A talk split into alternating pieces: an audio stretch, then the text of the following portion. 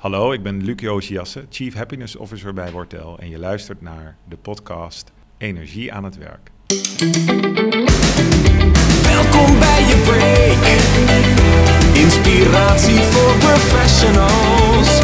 Motivatie voor je werk. Arjen Bannach maakt alle energie weer in je los. Sluit je aan bij Energy That Works. Een nieuwe aflevering van de podcast Energie aan het werk. Hij staat weer voor je klaar. En ik vind het ontzettend leuk dat je luistert, dat je je weer wil laten inspireren door een van die organisaties die laat zien dat het net even anders kan. En dit keer is dat Wortel en ik heb Luc Josiasse, de Chief Happiness Officer van Wortel, geïnterviewd. En Wortel is misschien niet een hele bekende organisatie, maar ergens is dat ook wel weer onterecht. Afgelopen jaar zijn ze gekroond tot beste werkgever van Nederland, gekozen door hun eigen medewerkers, en dat is gedaan door Factory en Intermediair, in de categorie zakelijke dienstverlening. En waarom is dat nou het geval? Nou, waarschijnlijk heeft dat alles mee te maken dat Wortel een aantal jaar heeft geleden heeft besloten om hun volledige managementlaag uh, weg te ruimen en te zeggen wij gaan met zelforganisatie aan de slag. Uh, Luc was uh, op bezoek in Silicon Valley, zag daar bij een aantal organisaties dat dat kon, dat het werken daardoor misschien wel een stukje beter, een stukje leuker werd. En ik dacht, dit moeten wij ook bij onze organisatie gaan doen. Nou, wat ik zo ontzettend tof vind, is dat hij heeft besloten uh, om dat te gaan doen, maar vervolgens niet dat proces gelijk in gang heeft gezet, maar ze zijn eerst een jaar lang bezig geweest om heel duidelijk alle taken van het management eens op papier te krijgen. Wat doen ze nou precies en hoe zouden we die taken nou bij een paar andere organen, bij een paar andere teams neer kunnen leggen. Om te zorgen dat we ook echt, als we die switch gaan maken, als we in één keer het management weghalen, dat we dat ook echt op een hele goede manier doen. En zorgen dat het daarna wel een vruchtbare organisatie wordt, een vruchtbare manier van samenwerken met elkaar. En dat is gelukt. Het is gelukt en ze zijn er daardoor ook gelijk tot beste werkgever van Nederland uitgeroepen. En in dit interview ga ik het met Luc hebben over hoe ze dat hebben gedaan, wat het nou oplevert, hoe zij naar cultuur kijken. En het is ontzettend leuk om te zien hoe ze dat doen. En tot slot is er nog één gave future die ze zelf hebben ontwikkeld. Want het is een IT-bedrijf. En dat is de verbetermeter. Waarmee ze constant bezig zijn met verbeteringen. En daar hangt ook nog een bepaald commitment van de directie aan vast. Dus dat geeft alweer een inkijkje in hoe ze daar de dingen net even anders doen. En dat inspireert mij in ieder geval ook enorm. En ik weet zeker, als je gaat luisteren, dat het jou dat ook gaat doen.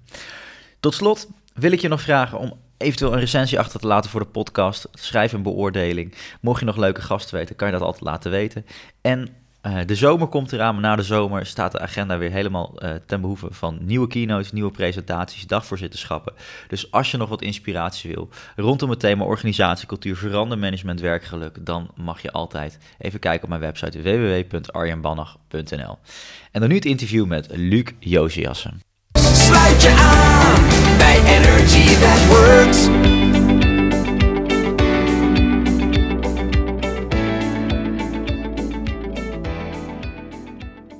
Ik zit in het uh, mooie kerkje van, uh, van Wortel. Uh, tegenover Luc, de Chief. Hoe, wat was het nou? Chief Happiness Officer. De Chief Happiness Officer. Ja, ja eigenlijk dezelfde terminologie als ik die heb. Ja, en mijn eerste vraag aan jou, Luc, is: waar ben jij het meest trots op tot dusver in je werk? Nou, dat ik elke dag weer mensen met een glimlach zie. Ja. Die, die zit echt top of mind. Ja, glimlach is heel belangrijk. Ja, ja, oké, okay, tof. En hoe ben je zo bij die terminologie gekomen van Chief Happiness Officer? Nou, eh, eerst had ik de term Chief Experience Officer, maar die, die, nou, die liep niet zo lekker. Okay. En uh, uh, toen zijn we eigenlijk eens, ja, waar gaat het nou eigenlijk over? Ja, het gaat eigenlijk over happiness. Dus ja. als, als mensen blij zijn, zijn uiteindelijk onze klanten ook blij. Um, dus uh, Chief Happiness Officer was geboren. Ja. ja, want ik zocht even naar het eerste woord. Want wij hebben samen natuurlijk in een artikel gestaan, intermediair. Zo, ja. zo ben ik hier ook terechtgekomen. Maar jij hebt het uiteindelijk ook bijgeschaald naar daar waar het eigenlijk om draait, is de happiness. Ja. ja. ja. En um, even misschien heel kort voor, voor, voor de mensen die Wortel niet kennen. Wat, wat voor bedrijf zijn jullie? Wij, um, eigenlijk, we bestaan al heel lang. We staan 20 jaar. We zijn begonnen in de 1997 in de host, de millennium. En uh, wat we doen is IT. Dus uh, consultancy, advies, cloud uh, is, zijn allemaal termen die hier spelen. Dus Ja. wij adviseren hele grote organisaties binnen heel Nederland over hoe zij het beste om kunnen gaan met hun cloud-omgeving. Um, en dat doen we al twintig jaar. Dus we kennen de traditionele lijnorganisatie van vroeger en de zelforganiserende, hippe teams van nu. Ja. Ja, Want, want dat ik, de, de- een vraag die ik zou willen stellen van hoe is intermediair dan ook eh, bij jou gekomen om jou in, ook in het artikel mee te nemen? Ja, omdat wij eh, eh, dit jaar verkozen zijn als beste werkgever in de categorie zakelijke dienstverlening. Ja, Dat onderzoek wat uitgevoerd is door eFactory. En eh intermediair die kwam en die zei, nou, dat, daar willen we wat over schrijven. Dus, eh, dus kom bij ons. Ja. leuk. En ehm, de beste werkgever van Nederland, die word je niet zomaar. Nee. Daar moet je een aantal dingen voor doen. En ehm, misschien een van de meest eh, spannende dingen die jullie hebben gedaan... is op een gegeven moment gezegd, we gooien het hele managementlaag eruit. Ja, nou wat ik zeg is, we, we, bestaan 20 jaar. We hadden, vroeger hadden we traditionele lijnen eh, organisatie met managers. En managers hadden teams en teams waren ongeveer 20 man groot. En wij waren als organisatie in de IT is echt booming. We zijn aan het groeien. En we hadden weer de keuze van, nou, gaan we weer een nieuwe manager aannemen... die weer een nieuw harkje aan de, aan de, aan de hele kerstbomen eh, weer gaat bedienen. En toen zeiden we van, laten we het eens anders doen. En, ehm, en dat, die ingeving die kregen we eigenlijk toen ik bij eh, TripAdvisor was in, eh, in eh, Silicon Valley. Eh, drie jaar geleden, en daar was ik. En daar vertelden zij eigenlijk over de zelforganiserende teams die hun development organisatie heeft. Dus zij bouwen dat product en de webomgeving en dat doen ze allemaal met zelforganiserende teams. Toen zijn we daarin gaan verdiepen en toevallig in dezelfde week kwamen we ook bij Google en Google werkt ook op deze manier. Eh zelfde verantwoordelijkheid voor je eigen gedrag, voor je eigen eh, eh, je output eigenlijk binnen je team zelf regelen. Dus alles wat je doet, regel je binnen je team. En niet meer afhankelijk zijn van een manager. Ehm, dus dat, hebben, dat idee hebben we mee naar Nederland genomen. We zijn in Nederland dat verder uit gaan zoeken. We hebben gezegd van nee, we gaan geen nieuw harkje doen. We gaan onze hele organisatie omgooien. ehm, door een zelforganiserende organisatie daarvan te maken. En daar horen ook geen managers meer bij. Dus alle managers zijn weg. Ehm, en er zijn heel veel teams voor teruggekomen. Ja. En dit is nu even in 10 seconden heel veel managers weg, heel veel teams weer teruggekomen. Maar de praktijk is misschien wat weerbarstiger, denk ik. Dus kan je ja. ons een klein beetje meenemen in, als je dan, hè, je neemt die beslissing. En ik kan me goed voorstellen dat eh, veel organisaties ook wel denken van, nou, dat is een manier waarop ik ook wel graag zou willen werken. Maar wat zijn nou de stappen die je een beetje neemt? Zou je kort ons daarmee eh, mee kunnen nemen? Nou, voor ons is het dat je, ehm, je maakt. ehm, wij hebben een, een, een, een, eigenlijk een jaar lang hebben, zijn we aan het voorbereiden geweest van ja, wat gebeurt er nou met je organisatie als je geen manager meer hebt? Managers doen gigantisch veel. Managers keuren bijvoorbeeld eh, een bonnetje goed. Of managers doen bijvoorbeeld een, ehm, een functioneringsgesprek. Of managers eh, doen een doelengesprek met je medewerkers. Of managers zeggen tegen jou van nou, eh, misschien had je dat beter kunnen doen. Of eh, de volgende keer dus feedback geven. Dus er zijn heel veel hele kleine dingetjes wat eigenlijk een manager doet. Dus wij zijn dat, die managerrol zijn we gigantisch gaan uitkleden en kijken van oké, maar waar leggen we dat nou binnen de organisatie? Heel veel dingen kan je in een team leggen. Maar dan moet zo'n team wel gecoacht worden, getraind worden over hoe zij daar dan mee omgaan. Ja. Ehm, wat, wat mogen ze bijvoorbeeld wel declareren, wat mogen ze bijvoorbeeld niet declareren? Of hoe hoog is dan dat bedrag?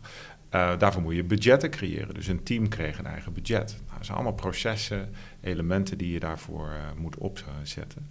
Daar zijn we een jaar mee bezig geweest. Dus alles theoretisch helemaal uitwerken. Dat alles, eh, alle processen die we vroeger kenden, dat we die eigenlijk naadloos gingen invoeren binnen een nieuwe organisatie. Toen, op 1 januari 2017, hebben we gezegd, en nu gaan we van start. Toen zijn we eerst van start gegaan met de ondersteunende kant van de organisatie. Om eigenlijk ervoor te zorgen dat de ruggengraat van de organisatie als een soort ja, zelforganiserende organisatie hier werkt. Dus dan praat je over de verkooporganisatie en de projectorganisatie. En toen dat eenmaal stond en dat die mensen ook echt het vertrouwen hadden in elkaar. Want oh jee, je moet nu echt feedback gaan geven tegen je medewerker, eh, tegen je collega of, of over zijn werk. Dat is toch wel eng af en toe. Ja. Eh, in plaats van dat, dat je dat via een manager speelt. Toen dat geregeld eh, was, toen dat de basis gelegd was, toen zijn we met eigenlijk de uitvoerende teams begonnen. En dat zijn de mensen die bij ons heel vaak bij de klant zitten. Nou, die hebben we ook door alle workshops gehaald. En gedurende dat hele proces hebben we de workshop. Het is niet zo dat we een workshop hebben gemaakt. Een workshop bijvoorbeeld over feedback geven, hebben we al vijf keer veranderd. Elke keer hebben we feedback gekregen op de workshop. Dat hebben we dan weer meegenomen om de workshop te verbeteren. En uiteindelijk was, kreeg eigenlijk het laatste team die door de workshop ging, kreeg de meest briljante workshop die er was. Want nou, die was gewoon hartstikke goed. Ja. Zat goed in elkaar. Dat hebben we een jaar lang gedaan met elkaar. Ja. Heel 2017. Eigenlijk kunnen we zeggen dat we per 1 januari 2018 echt zelf, 100% zelforganiserend zijn. En gedurende dat proces kregen wij eh, van één team het idee, eh, het team wat eh, verantwoordelijk hier is voor het, het wel en wee van de medewerker, dat team noemt zichzelf Green Love and Harmony. En van dat team kregen we het idee, die zei van weet je wat wij heel graag zouden willen? Dat Wortel beste werkgever van het jaar zou zijn. Zouden we mee kunnen doen aan een onderzoek? Nou, dat kwam bij mij terecht. Dus joh, als jullie dat willen, moeten jullie dat doen. Dus zij, zij hebben zich ingeschreven voor het onderzoek. En dat betekent dat al je medewerkers moeten een vragenlijst invullen. En ik had zoiets van, joh, we worden nummertje 3, 4, 5 van de lijst. En dan hebben we Hè, dan heeft het team voor volgend jaar een actielijst hoe we kunnen verbeteren. En dan kunnen we misschien in 2018, 2019 zouden we dat certificaat kunnen halen. Ja. En opeens sta ik daar in een zaal en uh, wordt er opeens geroepen: joh, jij bent beste werkgever van het jaar. Nou, dat is bizar. Ja. Dat, is, eh, dat denk je, je zit in een mega transformatie. Moet je je voorstellen dat een medewerker die geen manager meer heeft, geen processen, alle processen die er zijn, worden allemaal omgegooid. Mensen waren echt stuurloos in de eerste periode. En toch in dat jaar door het terugkrijgen van verantwoordelijkheid, uh, door uh, zelf je pad kunnen bepalen, zelf weten wat je doet, zelf, zelf weten wat voor projecten je uitvoert, zelf weten wat voor opleidingen je wil doen, zelf weten wanneer je verlof neemt, zelf weten wanneer je werkt, alles zelf weten, zelf weten wat voor salaris je eigenlijk aan het eind van de rit krijgt. Dus al dat soort verantwoordelijkheden terug te geven, dat je dan opeens werkgever van het jaar bent. Want dat is misschien wel vaak ook een angst uh, op het moment dat je zegt we gaan meer zelf organiserend werken. Uh, dat, dat, dat, dat professionals zeggen van ja, die, die, die worden inderdaad stuurloos.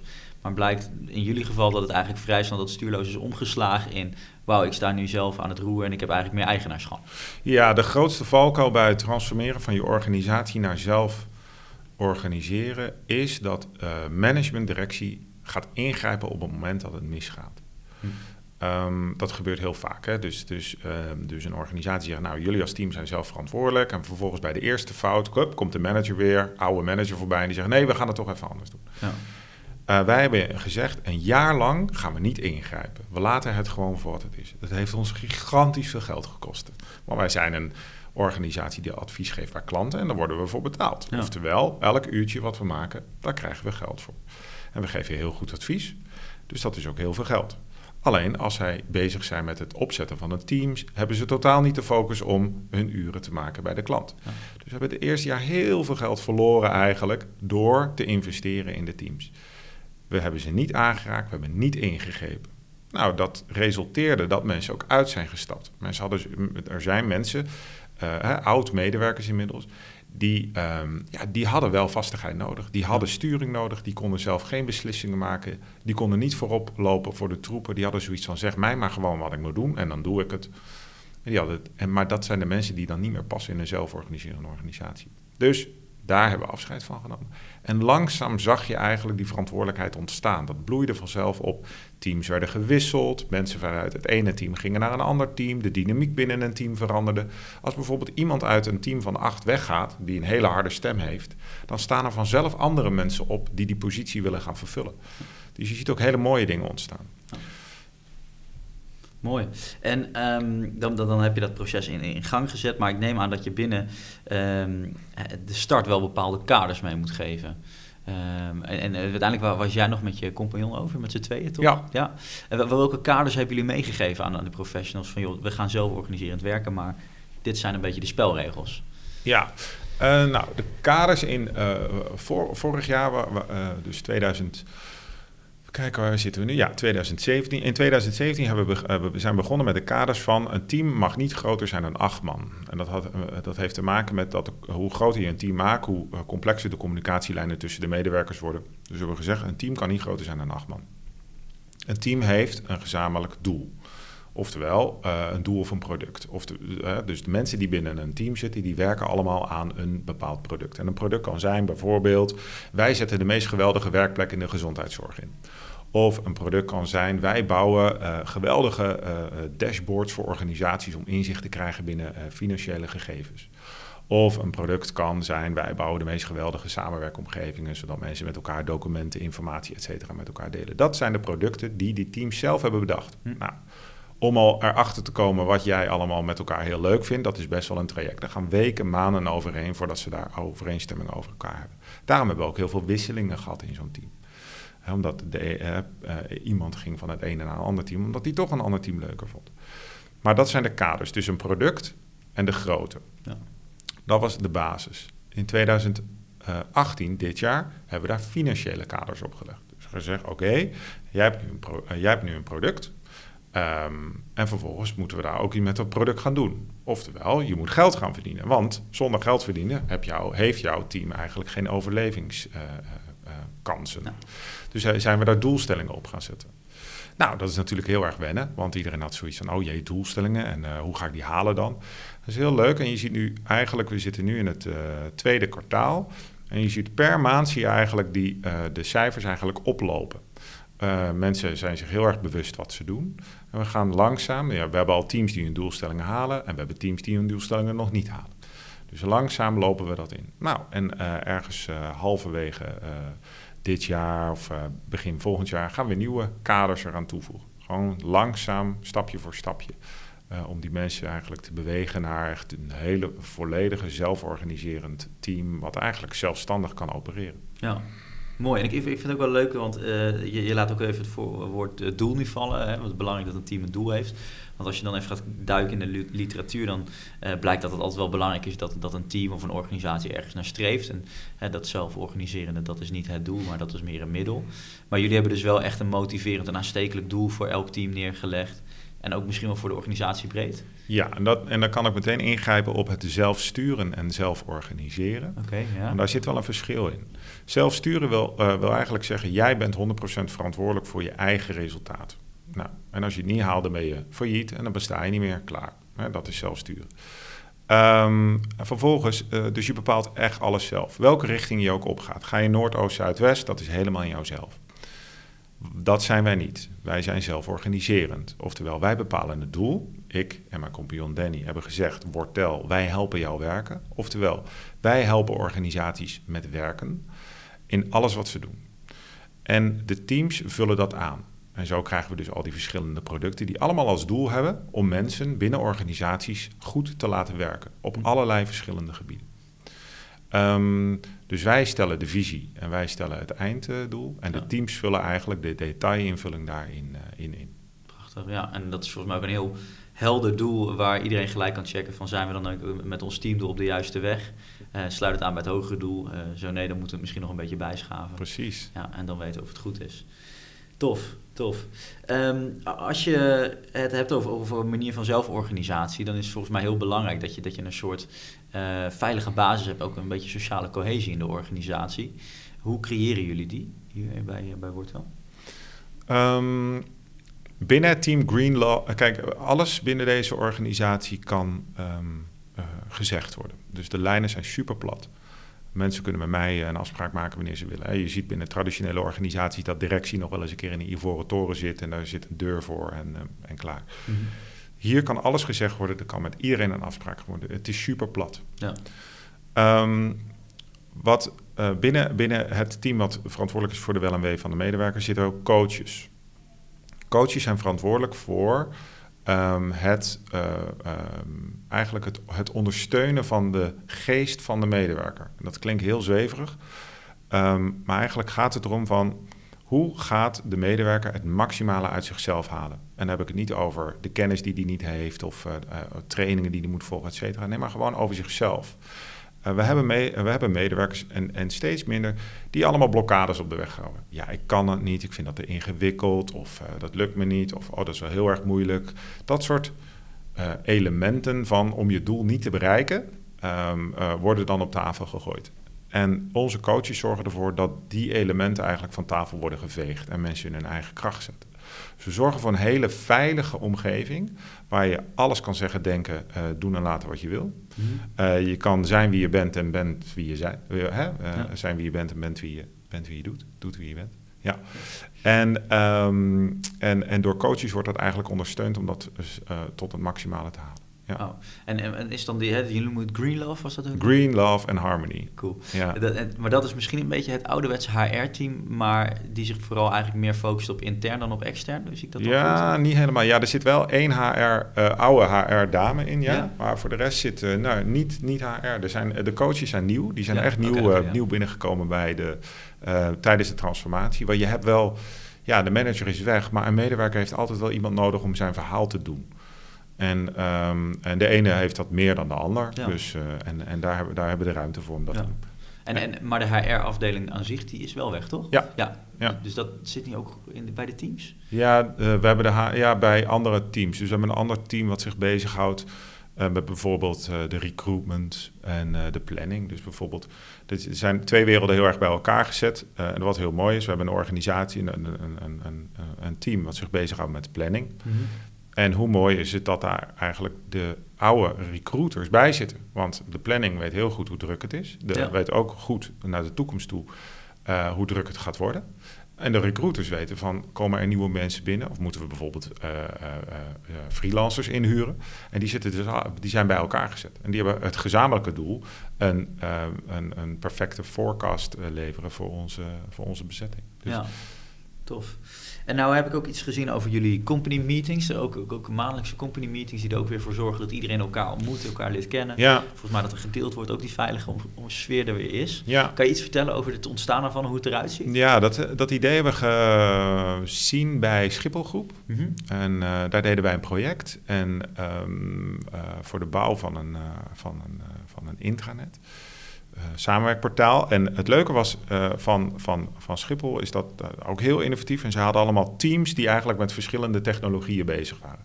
En ze moesten één keer in de week, één keer in de twee weken, moesten zij voor de groep gaan staan. Er stond er een hele groot beeldscherm, er stond een timer op. Hadden ze twee minuten de tijd en dan moesten ze vertellen wat ze in die afgelopen twee, minuten, twee weken hebben gedaan. Ja. Dus wat hebben zij in twee weken gerealiseerd? Om vervolgens ehm, bij elkaar te gaan kijken, te snuffelen van hé, hey, maar wat, wat is dan dat specifieke eh, eh, eh, ding wat je dan in die afgelopen twee weken gemaakt hebt? Om vervolgens weer in twee minuten te vertellen waar je ehm, de komende twee weken aan gaat werken. Hm. Dus in vier minuten vertel je eigenlijk wat je heb je gedaan en waar ga je naartoe. Ja. Nou, wij hebben dat opgepakt en we hebben gezegd nee, wij maken er 2,5 minuut van. En elk team vertelt één keer in de maand wat hebben ze de afgelopen maand eh, gedaan. Wat zijn, eh, en daar geven we elementen aan als, nou, noem eens een succesverhaal. Ja. Of eh, welke mooie klant heb jij geholpen? Of ehm, heb je een, een, een ander verhaal wat je wilt delen? Dus een team heeft 2,5 minuut en daar kan die alles delen wat hij wil. En dat doen we één keer in de maand. Tof. Nou, dan komt iedereen samen. Eh, knallen we de bierbanken eh, eruit in een zaal. En met een heel, groot beeldscherm zit iedereen braaf op een, eh, een bankje. Ja. En horen ze eigenlijk in 2,5 minuut eh 15 teams voorbij gaan. En binnen een uur weet de hele organisatie waar we op dat moment staan. ja. En vanuit daar kan je dan weer verder werken. Precies, ja. Tof, en dat heeft natuurlijk ook een beetje te- mee te maken met, met het checken. Hoe, hoe staan we er nu voor en verder? En dat brengt misschien ook even op, het, op een manier van feedback en beoordelen die jullie hanteren. Want dat is ook anders dan normaal gesproken. Jij houdt je daar zelf eh, niet mee bezig als Chief Happiness Officer. Dat doen ze ook met, met elkaar, toch? Ik heb de meest eh, ontspannen ehm 3 januari ever gehad. Want op 3 januari eh, is precies het moment dat alle nieuwe salarissen verdeeld worden. Ja. En in de oude situatie was het een draak om meer dan 100 mensen in. Wij, hebben- wij als, als branche hebben geen CAO. Nee. Dus het is de, ja, de, de, de, en, en, en IT zijn de ehm, salarissen relatief flexibel. Dus zoals elk, jaar was het een, een, een, een, een, draak om nieuwe salarissen eh, voor iedereen. Elke manager moest dat invullen. Niet te doen. We hebben geen managers meer, dus het betekent ook geen salarisverhoging meer, zou je zeggen. Althans, niemand die bepaalt wat de salarisverhogingen zijn. Dus dat betekent dat eh, we dat veranderd hebben. Eh, en we hebben daar een systeem voor ontwikkeld, dat heet de groeimeter. En de groeimeter, ehm, ehm, eh, wat dat is, is jij als medewerker nodigt vier medewerkers, andere medewerkers binnen je organisatie uit per periode. En we Ja. hebben drie periodes in een jaar. Dus in totaal heb je twaalf eh, feedbackmomenten van verschillende medewerkers eh, binnen een jaar over jouw functioneren in die periode. Nou, dat is feedback, dat zijn tips en tops. Dus eh, wat is een tip en waar kan je jezelf in verbeteren? Dat is aan de ene kant. Aan de andere kant geef je op drie elementen geef je punten aan. eh, jij kan aan mij punten geven. En die punten zijn op het gebied van samenwerken, op het gebied van even kijken, samenwerken, eh, ontwikkeling en toegevoegde waarde. Hm. Dus hoe werk ik samen? Wat doe ik aan mijn persoonlijke ontwikkeling? En wat vind jij mijn toegevoegde waarde aan deze organisatie? Jij geeft me punten weg over al die drie periodes en al die twaalf eh, verschillende mensen, alle punten bij elkaar opgeteld, bepalen voor mij aan het eind van het jaar het salarisverhoging. Dus aan het eind van het jaar drukken we op één knop en dan weten we precies wel, hoeveel punten welke medewerker heeft gekregen. En dat bepaalt de totale salarisverhoging van alle medewerkers binnen de organisatie. Ja.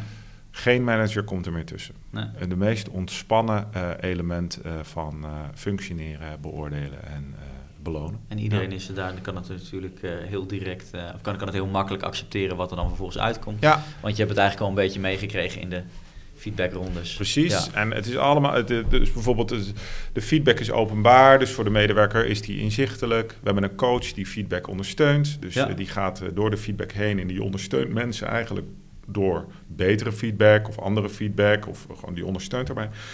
En het geven van punten is anoniem, dus niemand weet wie welke punten aan wie heeft gegeven. Ja, wauw. En dan kan ik me voorstellen dat deze manier van, van, van werken, hè, zelfsturend organiseren, ehm, dat, dat dat niet, niet voor iedereen geschikt is. Dat, eh, en niet iedereen zal deze maat van vrijheid aankunnen. Eh, hoe zorg je nou dat, dat er bij jullie ook wel de juiste mensen aan boord komen? Ehm, aan de voorkant hebben we een, ehm, ja, we hebben toch wel het, ik heb dat geleerd door middel van het, het, het onderbuikgevoelprincipe. Eh, bij elk eerste gesprek gaan we heel erg goed na, past deze persoon binnen onze cultuur? Ehm, je moet wel van, een, wel van goede huizen komen om binnen een cultuur eh, waar, heel veel, waar je zelf heel veel dingen moet regelen en wil regelen. En maximaal uit jezelf halen, moet je wel een bepaald persoon zijn. Ehm, en dat doen we al meteen in het eerste gesprek. We weten, we, kun, we kunnen dat feilloos kunnen we dat, eh, kunnen we dat eh, meten. Ja. dus bij jullie geen eh, lange procedures, maar dat is gewoon, je, je ziet dat meestal meteen al van passen iemand binnen de Ja, cultuur. Inderdaad, ja. Tof. ja. En het wel interessant eh, thema wat je nu even aansnijdt, cultuur, want daar ben ik zelf ook heel erg door gefascineerd. Ehm, hoe kijk jij aan tegen cultuur? Kan jij daar een definitie van geven hoe jullie cultuur zien? Oh, wauw. Onze, hoe is onze cultuur? Ja, onze cultuur is familiair. Ja, Ja. ja mensen, eh, ik, het is heel bijzonder. We hebben, ehm, we hebben eh, vorig jaar een medewerker gehad, zijn moeder overleed. Nou, die zaal die zat half vol met, eh, met medewerkers van onze organisatie. Gewoon, mensen zijn super betrokken bij iedereen. Maar dat komt ook omdat medewerkers hier... eh, we- ja, er wordt veel gewerkt, er wordt hard gewerkt, er wordt heel veel samengewerkt. Dus door samenwerken creëer je echt nou, vriendschap. Ja. Als wij een evenement organiseren als eh, wintersport, gaat eh, 40, 50 procent van de hele organisatie gaat gewoon mee. ja. Dus het is echt een, een, een, een, een familiair teamgevoel, eh, vrijheid, blijheid, ehm, ehm, festivals. eh, als er nou, zomer, de zomer is weer, eh, Ja. festivals. Dan gaan groepen mensen naar festivals toe. ja. Echt een hele leuke, jonge, dynamische eh, eh, eh, ja, organisatie. En nou is het jouw rol natuurlijk ook als chief happiness officer om die cultuur een beetje verder in te vullen. Hè? Je hebt bepaalde doelen dat je wil. Nou, je zegt iedereen met een glimlach naar het werk. ja. Wat zijn er nog weer facetten die jij daar allemaal aan, aan initieert om te zorgen dat dat, dat, dat, dat ook daadwerkelijk gebeurt? Ja, ehm, we hebben een element ingevoerd naast de groeimeter voor het verbeteren. En dat heet de verbetermeter. En de verbetermeter is eh, ervoor bedoeld om mensen eigenlijk te betrekken bij veranderingen binnen de organisatie. De verbetermeter doet, ehm, althans geeft medewerkers de mogelijkheid om ideeën in te voeren. Elke eh, maand eh, kan je ideeën invoeren en vervolgens is er een periode dat er op die ideeën gestemd kan worden. En wij hebben vanuit directie gezegd, de top 5 pakken we sowieso op. En daarnaast kunnen we nog uitkiezen van, ah, misschien is dit wel een hele goede. eh, die, die plaatsen we dan al ook bij als een soort joker. Ja. Dus wat er gebeurt is, ehm, mensen voeren dat dus in en dan wordt erop gestemd en er komen hele leuke ideeën uit. Ja. En de top 5 wordt opgenomen. Dus mensen hebben ook het idee van, hé, wat ik dus invoer, als daar serieus op gestemd wordt, ga- wordt er ook daadwerkelijk iets mee gedaan. Ja. Nou, daar komen dingen uit als hele simpele dingen. De, dat was de eerste keer waar ik nooit over na had gedacht. Dus we hebben hier een frisdrankautomaat met blikjes en die is voorzien van zo'n munt. eh daar moet je 50 cent in werpen en dan vervolgens komt er een blikje uit. Daar zit geen pinfunctionaliteit op. Eh 60 man stemde dat we dat ding moeten ombouwen met een, met een pinpas. Ja. Nooit over nagedacht. Maar dat maakt dus blijkbaar eh, het voor de medewerker makkelijker om, eh, eh, om, om zijn blikje of zijn frisje of dat soort dingen eh, uit, zijn, eh, eh, uit dat apparaat te krijgen. Ja. Ehm, nu ik er zo over spreek, denk ik, ja, waarom vragen we er überhaupt geld eh, voor? Maar dat is, dat is denk ik nog vanuit het verleden dat dat eh, eh, gedaan wordt. Ja. Ehm, en daarnaast eh, zijn er ook eh, hele andere dingen, als eh, nou, dat mensen dus bijvoorbeeld de documentopslag eh, voor onze klantenomgevingen, dat, ze dat, dat ze dat veranderd willen hebben. Of allemaal ideeën. Ehm, ideeën als eh, of we s'avonds ook geen eten kunnen eh, voorzien.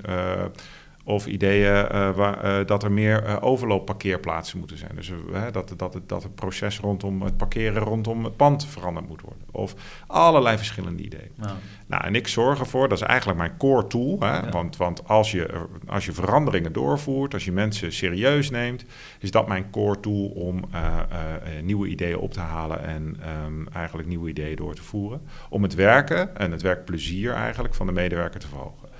Eén element, en, eh, want het kan heel snel gaan. Ehm, wij eh, hadden hier het element eh, sport. We, hebben een vitality program, noemen we dat. Het element sport wat erin zit is onderontwikkeld. Eén, uitvraag op de verbetermeter. Hey, wie zou het leuk vinden om op donderdagavond te gaan bootcampen? Pas in week 1 hebben we dat gevraagd. Week 2 werd erop gestemd. En week 3 stonden we met twintig man in, eh, in het Haarlemse bos eh, aan, eh, aan allerlei instrumenten en eh, eh, in het gras te spelen. Met een instructeur erbij. Dus hoe snel het kan gaan om dat specifieke elementje. En, en iedereen met een glimlach die daar in een park ligt, fotootjes van gemaakt. Iedereen aan het hartstikke, hartstikke leuk. Dus dat is wel een mooi. ehm, ja, mooi. Tof. En dan zit ik te denken, als je dan hebt over dat, dat frisdrankautomaat, dan gaat het misschien niet eens zozeer om alleen het, het- dat, dat je van, van muntjes naar pinnen gaat, maar vooral ook dat je dus blijkbaar als organisatie het signaal afgeeft van hey, draag ideeën aan en we gaan het doorvoeren. We doen er Ja, ook direct iets mee. tuurlijk. Dan krijg je, ja, krijg je echt een bron van motivatie. Ja, en het leuke is, eh, nu wordt er dus gevraagd om die verbetermeter ook in te zetten, bijvoorbeeld bij de projecten die we doen bij klanten. Dus dat klanten en medewerkers bijvoorbeeld ook verbeteringen voor het project kunnen invoeren. Dus Ja. het, gaat, het is heel simpel bedacht. En grappig, ik werkte twintig jaar geleden bij Heineken, toen hadden ze zo'n gouden ei aan de muur hangen. En eigenlijk was dat de verbetermeter. Maar dan was het dan was een soort brievenbus, daar gooide Ja. je dan een briefje in. En dan eh, wi- wist je eigenlijk nooit wat ermee gedaan wordt. En dit is zo digitaal, je ziet wie er gestemd heeft. En Ja. ja, er worden En- opmerkingen gegeven. Het leeft ook echt. Ja, Ja. ja. en de luxe dat jullie dat zelf kunnen bouwen. dat is ook wel Ja. natuurlijk waar. Ja. Ja, en, en ja, gaat het bij ja. klanten zo meteen ook de, de, de, de, belofte dat de top 5 wordt doorgevoerd, of gaat dat misschien net iets te ver? Nou, dat is aan hun, eh, Ja, denk dat- ik. dat- Ja, ja, ja, ja. zelf even zien Ja. wat mogelijk is. Ja. Tof. Dus zijn er nog misschien andere, want jij zegt de verbetermeter, dat is onze tool. Gaat die trouwens ook naar andere bedrijven? Kunnen andere bedrijven die ook kopen, gebruiken? Ja, daar is nu, daar, nou, we hebben er een aantal. Er was een medewerker die was heel proactief en die heeft het op LinkedIn gezet. En er zijn nu inderdaad, eh, hebben daar bedrijven op gereageerd. Ja, maar dat willen wij ook. Ja, Dus we zijn inderdaad, maar wat we wel zeggen is van ja, wat wel belangrijk is om te beseffen is van een tool is leuk, maar het gaat wel om een cultuurverandering. Dus wij hebben de verbetermeter hebben we wel ingevoerd, maar daarvoor hebben we echt wel, we hebben een hele workshop gehouden over hoe jij je organisatie leuker maakt met eh Fijke Kats was dat. Hm. En dat, eh, en dat eh, was een, een ins- inspirerende spreker. ja. Want wij hebben elk kwartaal wat wij hier doen, wij nodigen inspirerende sprekers uit om te spreken voor tijdens de company meeting Ja, voor het personeel. tof. En Fijke, eh, die vertelde een, eh, was een van de inspirerende sprekers. En daar, en daar kwam eigenlijk uit van hoe verleuker, verleuker, verleuk jij nou jij, jouw organisatie? En Ja. allemaal tools om het werken ook leuker te maken. En toen hebben wij gezegd, oké, dan gaan we dus onze verbetermeter gaan we daarvoor invoeren. Mhm. En dus we begonnen met een workshop en toen hadden we een tool en nu begeleiden we het proces. Ja, Dus mooi. je bent continu bezig eigenlijk om. eh, het is leuk dat je een tool hebt, maar je moet ook wel je moet heel hard werken aan de cultuur om ja, mensen er echt bij te betrekken. Ja, de cultuur is niet eh, de heilige graal, of de, de, de, de tool is niet de heilige Nee, graal, nee, maar nee. dat is de cultuur. Ja, En de tool is daar een uiting van. precies. Ja. En, dan, en dan heb je ook in één keer dat die voor je gaat werken. Want als je in één keer in een organisatie met de tool op de proppen komt, Ja. dan kan het zomaar zijn dat mensen denken, hé, hey, dat... ja, wat is dit nou weer? En, eh, ja. Ja, maar dat is wel een interessante. Ehm, het- toen ik even op jullie eh, website ke- keek, toen, toen zag ik drie begrippen voorbij komen. En een combinatie daarvan dat ik dacht, hé, hey, die is Oh, interessant. jee, Intelligentie, IT en humor. Oh ja, niet weer die humorvraag. Ja, ja, ja, hij valt op. Ja, dat klopt. En hij blijft hangen, ja. En daar krijg je heel vaak vragen over. En, en, en ja, je, je kan hem op twee manieren opvangen. Mensen hebben zoiets, ja, humor, IT is toch heel serieus, weet je wel. Eh, Dat, eh, die, eh, die vraag krijg ik ook wel eens, van ja, wat vinden klanten daar nou van? Maar bij ons humor, het gaat, je moet wel lol hebben in je werk. Ja. Ja. wat je ook doet, maakt niet uit. Het gaat echt erom dat we plezier hebben met elkaar. Ja. En dat maakt ons bedrijf. We hebben gigantisch veel plezier met elkaar. Ja, En dat probeer je op zo'n manier uit te stralen. Want ja, eigenlijk is het wel heel slim. Het is één woordje, maar ja je ziet hem niet zo vaak. Nee, dat Ja. klopt. Ik krijg hem super vaak terug. Ja, Ja, dat is echt heel grappig. Oké. Ja. Ehm, eh, waar ik nog even benieuwd naar ben. ehm, eh, de, de- de nog andere woord ik terug, een vernieuwend ondernemerschap, ontwikkeling. Ehm, die, die, die, die vernieuwing, hè? Want, want uiteindelijk is het ook belangrijk als, als, als, als eh, IT-organisatie dat je constant mee blijft bewegen in die digitale revolutie, dat je wendbaar bent. Hoe zorgen jullie dat jullie constant dat, dat, dat wendbare hebben, dat jullie kunnen inspelen op de laatste ontwikkeling of Ja. daarin voorop lopen? Nou ja, dat, en dat komt wel door de teams. Ja. Ja, Dus ehm, dat konden we dus niet. En in de oude, oude situatie hadden we dus grote, grote afdelingen eigenlijk. En, en, maar door die teams maken we het allemaal veel kleiner. Dus eh, als wij, wij hebben nu een heel, heel grappig. Of heel mooi. Het een mooi verhaal is. eh, we hebben een. een ehm, data en AI is een, is een enorm. eh, data is een enorme groeiende markt. En, en met name inzicht hebben over die data. En ook eh, wat, ook wat je mooi kan eh, doen, is artificial intelligence over die data heen laten gaan, zodat dat het ook ga- je gaat leren van de data. Ja. Nou, voor, voor bedrijven die zien nu de kracht van eh, dat element. Eh, er is gigantisch veel vraag, van, vraag naar eigenlijk data en AI eh, ehm, kennis. Eh, wij hadden dat niet. Er was één medewerker die vorig jaar zei van... hé, hey, ik wil me daarin gaan verdiepen. Ik wil daar een team op zetten. Maar ja, één man is geen team. Dus Ja. die heeft andere mensen erbij gevonden om een team op te bouwen. Dat team is nu acht man groot. En zij ze hebben zich helemaal gefocust op data en AI. Dus ehm, binnen de oude situatie hadden we misschien een team... eh, met een manager daarboven, waar één specialist op data en AI zat. Oh, en er moeten meer mensen aangenomen worden om data en AI-specialisten. Maar in een nieuwe situatie heeft dat team dat allemaal zelf geregeld. Zij zien de kans in de markt. Zij hebben zelf mensen geworven, mensen erbij gezet, andere mensen uit andere teams overgehaald om dat ook te gaan doen. En nu hebben we een heel team wat gespecialiseerd is in dat specifieke element. Als het team geen, eh, en daarom hebben we die cijfers, die, die doelstellingen voor dit jaar. Als het team hun doelstellingen niet meer halen, zijn er ook gewoon gesprekken met, maar zijn jullie nog wel met de goede dingen bezig? Nou, dat is nu nog niet, hè, nu nog niet aan de hand. ja. Maar dat is wel iets wat natuurlijk komt. Als we ook dingen zien die gaan afnemen, ja, dan moet je de vraag stellen van, ja, heb je dan nog wel zoveel mensen in je team nodig? Dus dat loopt. Ja. En dat was in de oude situatie met managers waarschijnlijk veel stroperiger. Veel stroperiger, want er moet, eh, moet in het team besproken worden, er moet een overleg plaatsvinden, er moet een manager wat voor vinden. En voordat je er eigenlijk achter bent waar het lek zit, want dat Ja. is gewoon zo, ben je veel te laat. Ja. Ja. Zeker in een grote organisatie. Ja.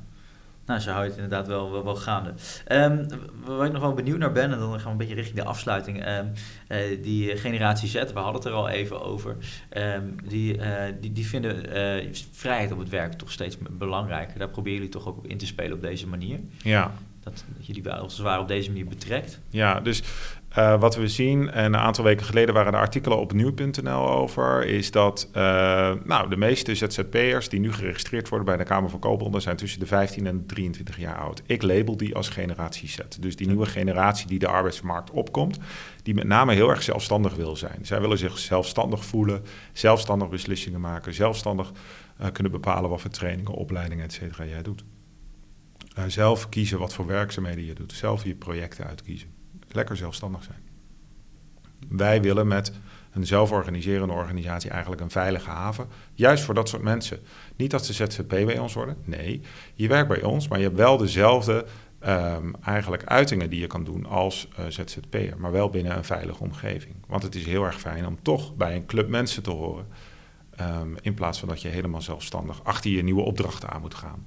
Of eh, achter eh, een nieuw project aan moet gaan. Want mensen willen wel heel vrij zijn. Maar vinden het eigenlijk wel heel vervelend om een nieuw project te moeten scoren. Of eh, eh, een nieuw project te moeten zoeken als een oude project afgelopen is. En dat doen wij dan allemaal wel voor ze. Dus in werken in een eh, zelfstandig werken met zelfstandige besluiten, zelfstandige beslissingen maken binnen toch een veilige omgeving. Dat Ja. is eh, zelf eh, organiseren. En waar ook nog werkgeluk, werkgeluk echt wel centraal staat. Dat is eh, wat je niet hebt op het moment dat je in één pit hebt. Ja, ja, ja, Ja. ja. samen lachen is leuker dan alleen. Ja, ja, precies. tot, tot slot nog, wat, wat, wat ehm, eh, is dan het resultaat richting eh, de klanten? Want eh, je zei even al, ik geloof in gelukkige medewerkers zorgen voor gelukkige klanten. Wat krijg je terug van klanten als, je, als die hier over de vloer komen of als je hierover vertelt? Nou, eh, klanten merken, zeker als ze hier bij ons op kantoor zijn, is dat er toch een bepaalde dynamiek speelt binnen, eh, binnen een organisatie. Het is levendig, het is veel energie. Eh, je merkt het al als mensen dus hier naar binnen lopen, dan staat er al een club buiten voor de voordeur, staat op de tafel voetballen met elkaar. Dus, en dat kan allemaal. Dus mensen merken en voelen die energie die hier plaatsvindt. En zien eigenlijk van de afstand gewoon dat het een heel tof bedrijf is. Ja, ja. En, dat, en dat werkt. Ja. Ja. Locatie is natuurlijk mooi. We zitten in een hele mooie kerk. Ja. Ja. Tof. Heb ik tot slot nog een paar vragen aan jou als, als, als persoon, eh, als Chief Happiness Officer. En de eerste vraag, eh, dit is, eh, waar, wie is jouw grootste inspiratiebron? Wauw. Wie is mijn grootste inspiratiebron? Dat is al een hele ingewikkelde. Ja, ik vind Satya Nadella van Microsoft vind ik toch een hele mooie inspiratiebron. Ja. Ja. Mooi. Satya Nadella heeft een organisatie die... eh, Microsoft was een organisatie die alleen maar gefocust was op sales, sales, sales, sales, sales. Heeft hij echt omgebuigd naar een organisatie die alleen maar focus heeft op echt toegevoegde waarde leveren aan de eindgebruiker. Ja. En dan komt de sales vanzelf wel. En daar geloof ik ook in. Ik, ik denk als eh, jij hele fijne medewerkers hebt, blije medewerkers hebt, eh, die maken hele tevreden klanten en dan komt het geld vanzelf wel. En dat merken we nu ook. Ja. En jullie doen ook alles rondom Microsoft, toch? Ja, Ja. dus die staan, ze staan ook heel dichtbij. Ja, ja. ja. leuk. Eh, welk boek zou iedereen gelezen moeten hebben? Oh, ehm hè, gee, ik had gisteren een heel mooi boek. Ehm, oh, eh, er is, ehm, jee, welk boek? Ik lees geen boeken. Ik heb gisteren een boek gekregen, maar heel eerlijk, ik ben geen boekenman. Nee. Eh, nee. Welk boek zou iedereen gelezen moeten hebben? Oh, jongens. Nee. Oh, eh, de, de, hè? Welk boek kreeg je gisteren? Ja, dat bedoel ik. Daar Ja, probeer ik op te komen. Oh Ja. nee. Oh, leuk als je zulke vragen ook van tevoren even stelt. Ja. Dan weet ik tenminste wat ik voor antwoord Nee, maar als je geen boekenmens bent, heb je misschien een andere tip waar, waar mensen inspiratie van... Want jij zal ongetwijfeld ook wat, wat inspiratie krijgen. Hoe, hoe doe jij dat dan? Ja, ik eh, lees eh, LinkedIn helemaal af. Ja, dat Ja, is toch- ja misschien is dat wel de nieuwe wereld. Misschien is dat de nieuwe wereld. Dus gewoon artikelen gewoon. Ja. Waar kom je interessante dingen Ja, en wat, ja, en wat, er, ja, wat er ook wel heel leuk is, ik heb op, ehm, en dat weten heel weinig mensen eigenlijk, ik heb, ik op Google Search, eh, kijk, link, je hebt allemaal platformen als LinkedIn en Facebook en dat nou, is allemaal prima. Maar ik gebruik heel veel Google Search. Dus, eh, en, in de zin van niet, niet gewoon zoeken, maar ik, ik heb dus een actieve zoekopdracht uitstaan op bijvoorbeeld Chief Happiness Officer. Dus elke keer als er een artikel getriggerd wordt op Chief Happiness Officer, krijg je dat automatisch via je mail binnen. Wat goed. En dat is veel breder dan alleen maar LinkedIn of eh, dat soort Ja. Dus dan kan je op Google, Google Search kun je dat doen. Dat is Ja. een superleuke tip. Dus dat vind Ja. ik, dat vind ik eh, met name interessant. Ja, boeken, jongen. Ja, ik ben nog steeds aan het nadenken. Ik, eh, nee. Nou ja, kijk, vaak zijn nee. boeken natuurlijk samen, eh, samenraping van allerlei artikelen die jij dus eigenlijk al leest. Dus dat, Ja, dat Ja. is, ja. Nee. interessant. Nou, dit is een hele leuke en originele die ik nog niet eerder Ja. de- de- deze rubriek heb gehoord. Ehm, is er nog iets wat jij zou willen leren? Wat je bent tegengekomen en zegt, hey, dat is belangrijk als het gaat over organisatiecultuur. Dat zou ik me graag nog eigen willen maken of naar woord wel willen brengen. Ehm, wat ga ik leren? Nou, wat ik heel leuk zou vinden is eh, te leren hoe je je. eh, kijk, dit, het concept eh, wat we nu als Chief Happiness Officer en ook het concept van zelf organiseren echt neerzetten binnen je eigen organisatie, gaat dat er eigenlijk heel, eigenlijk heel makkelijk, omdat ja, alles wat wij willen gebeurt. In de zin van ja, je kan het heel makkelijk uitzetten. Maar hoe ga je er nou voor zorgen, en dat zou ik heel graag willen leren, hoe ga je er nou voor zorgen dat jouw concept, eigenlijk hier, eigenlijk ook bij andere organisaties gaat landen? Want dan wordt het interessant. Ja. Want dan ga je echt kijken van oké, ja, leuk dat het bij jouw organisatie landt. Maar hoe landt het bijvoorbeeld binnen een hele andere organisatie? Ja. En dat, dat eigenlijk dat stokje overdragen aan andere organisaties, dat zou, dat, dat zou, heel, dat zou een echt mooi leerdoel zijn. En het trouwens ook een heel mooi zonnedoel zijn om dat neer te zetten. Ja, Ja. tof. Eh, wat zou ik volgens jou met een vrije dag of een vrij weekend moeten doen? Wat jij moet doen met een vrij weekend. Ja, volgens jou als Chief Happiness Officer. Oh, ehm, ik, eh, eh, weinig mensen gaan er nog maar naartoe, want wij vliegen allemaal heel ver weg. Maar ik zou echt naar de Ardennen gaan. De Ardennen. Ja, En wat, wat trek jou aan de- Ardennen? ja eh, daar, en teamactiviteiten doen. Leuk. Ja, Ja. Dus een beetje Ja. bonding met, Ja. met de mensen. ja, dat is echt leuk om te doen. Tof. Ja. Allerlaatste vraag. Wat is volgens jou de belangrijkste sleutel voor een energiek en gelukkig leven? Open en eerlijk zijn. Mooi. Open en eerlijk zijn. Ja, Ja, dat is het allerbelangrijkste. Lijkt me een mooie afsluiting. Hartelijk dank eh, voor je bijdrage. Dankjewel, super. Sluit je aan bij Energy That Works.